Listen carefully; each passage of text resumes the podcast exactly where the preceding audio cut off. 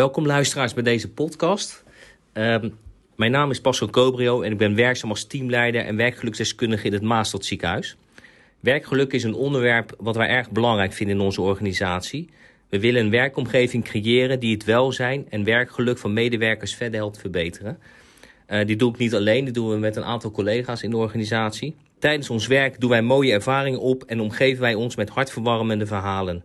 Het delen van deze ervaringen en verhalen inspireert ons. In deze podcast ga ik in gesprek met Astrid van Ginkel. Welkom Astrid. Zou je jezelf willen introduceren en even vertellen waar je werkt? Ik ben Astrid van Ginkel en ik werk op de afdeling klinische pathologie hier in het Maastad ziekenhuis. Um, ik ben medisch analiste en ook um, uh, vakspecialist.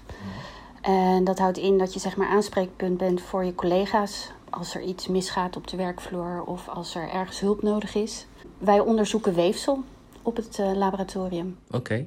En, en waar komt dat weefsel vandaan dan? Uh, dat kan afgenomen worden op de polykliniek. Mm -hmm. uh, dat kunnen hele kleine stukjes zijn, maar dat kunnen ook hele organen zijn. Dat gebeurt op de operatiekamer. Ja. En um, het, is, het leuke aan mijn vak is dat je met hele kleine stukjes weefsel al kunt bepalen of iemand ernstig ziek is, ja of nee. En soms ook al een voorspelling kan doen uh, welke therapie gaat aanslaan. En hoe groot is zeg maar jouw afdeling? Uh, wij hebben in totaal uh, drie units. -hmm. of eigenlijk vier als je de maatschap met de artsen meetelt. Wij hebben zeg maar medisch secretariaat. we hebben de, de unit cytologie. Daar wordt naar celniveau gekeken. En ik werk op de unit histologie. En we zijn in totaal met ongeveer 75 man. En histologie, waar kijk je dan naar? Naar weefsel. Er is een normale opbouw van weefsel. Mm -hmm. En eigenlijk zodra er iets misgaat, als, er een ontsteek, als je een ontsteking hebt of uh, misschien wel een tumor, dan verandert uh, de opbouw daarvan. En de artsen bij ons op de afdeling en ook dus bepaalde analisten hebben geleerd hoe dat eruit ziet. En dat kan je al op het oog zien.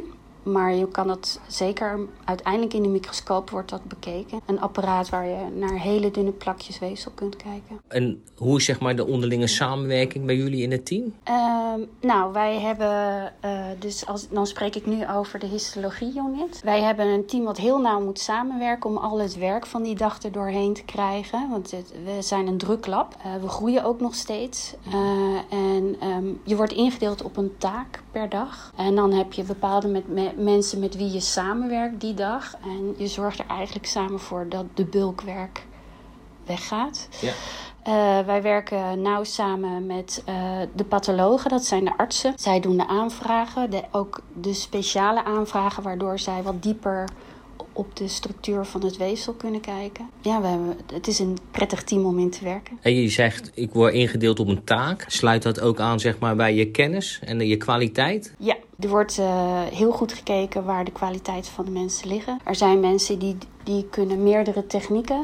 Uh, dat ligt ook aan hun opleiding. Sommige mensen krijgen nog een in, interne opleiding of juist een opleiding extern om het werk ook te kunnen gaan uitvoeren. Er zijn ja. bijvoorbeeld ook wij noemen dat patassers.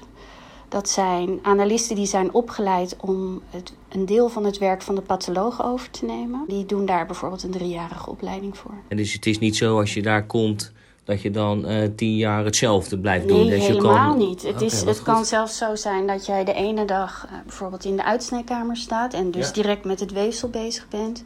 Een andere dag zit je helemaal in een andere hoek en dan ben je juist op DNA-niveau bezig. Dat is ook wat me heel erg aanspreekt ja. in dit beroep. En, en, krijg je ook wel eens complimenten van elkaar? Ge geef je elkaar wel eens een compliment op het werk? Nou, als jij bijvoorbeeld heel veel werk hebt en uh, we zijn op tijd klaar, dan staan we toch wel even met elkaar van zo, dat hebben we even goed gedaan. En dan. Soms krijgen we dan ook van de patholoog van... joh, wat zijn jullie snel vandaag, wat fijn. En, en kan jij nou eens een, een, een, een uh, werkgeluksmoment benoemen van de afgelopen tijd, wat je zelf hebt meegemaakt? Nou, wij hebben een nieuwe techniek uh, die we sinds twee jaar doen. Sinds we bij de Anser um, kliniek horen eigenlijk. Dus uh, de prostaat um, uh, operaties die hier gebeuren. Ja. En um, tijdens die operatie wordt er bij de patiënt worden twee stukken van de prostaat afgehaald. En die moeten wij binnen een, een uur verwerken. En okay. dat weefsel is vers. Ja. En uh, dan zijn we met een team van drie analisten en een patholoog. Die analisten laten op dat moment hun werk vallen waar ze mee bezig zijn. Dus die worden uit zeg maar, het proces gehaald om dit meteen te gaan doen. En de patiënt wacht, de OK wacht eigenlijk met verder opereren totdat uh, de uitslag hiervan bekend is. Okay. En dat houdt in dat je dus met drie mensen heel efficiënt moet werken. En dan zo snel mogelijk de uitslag naar de OK moet doorgeven. En uh, dat, dat is een uh, heel leuk proces, omdat je zo met elkaar verweefd bent op dat moment. Ja. En het is ontzettend leuk als je dan merkt dat ondanks dat er dan misschien steentjes in zitten of dat het naar snijdt, dat je dan toch bijvoorbeeld binnen een half uur al de uitslag weg hebt. Oh, en dan, ja. Dat geeft een enorme kick. Een soort competitie als het ware om zo Nou, snel mogelijk een goede... Maar het, het gaat er vooral om dat je goede kwaliteit koepels hebt, zodat de patholoog snel kan doorgeven. Oh, ja. Jongens, jullie kunnen weer door. En dan Ja.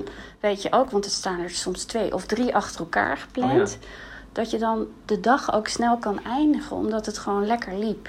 En je weet ook dat deze procedure ervoor zorgt dat eh, de patiënten minder last hebben na afloop. Ja. Dus eh, ze hebben een beter eh, eh, gevoel van leven, dus meer levensgeluk. Ja. En als je daaraan mee kan werken, dat is heel fijn. Nou, dat, het geeft een mooi inkijkje van hoe het werken bij jou op de afdeling eh, gaat. En ook waar je zelf gelukkig van wordt, je werk geluk in vindt. Ja. Ik wil je bedanken voor deze bijdrage aan de podcast. En eh, nou, tot ziens. Ja, oké, tot ziens.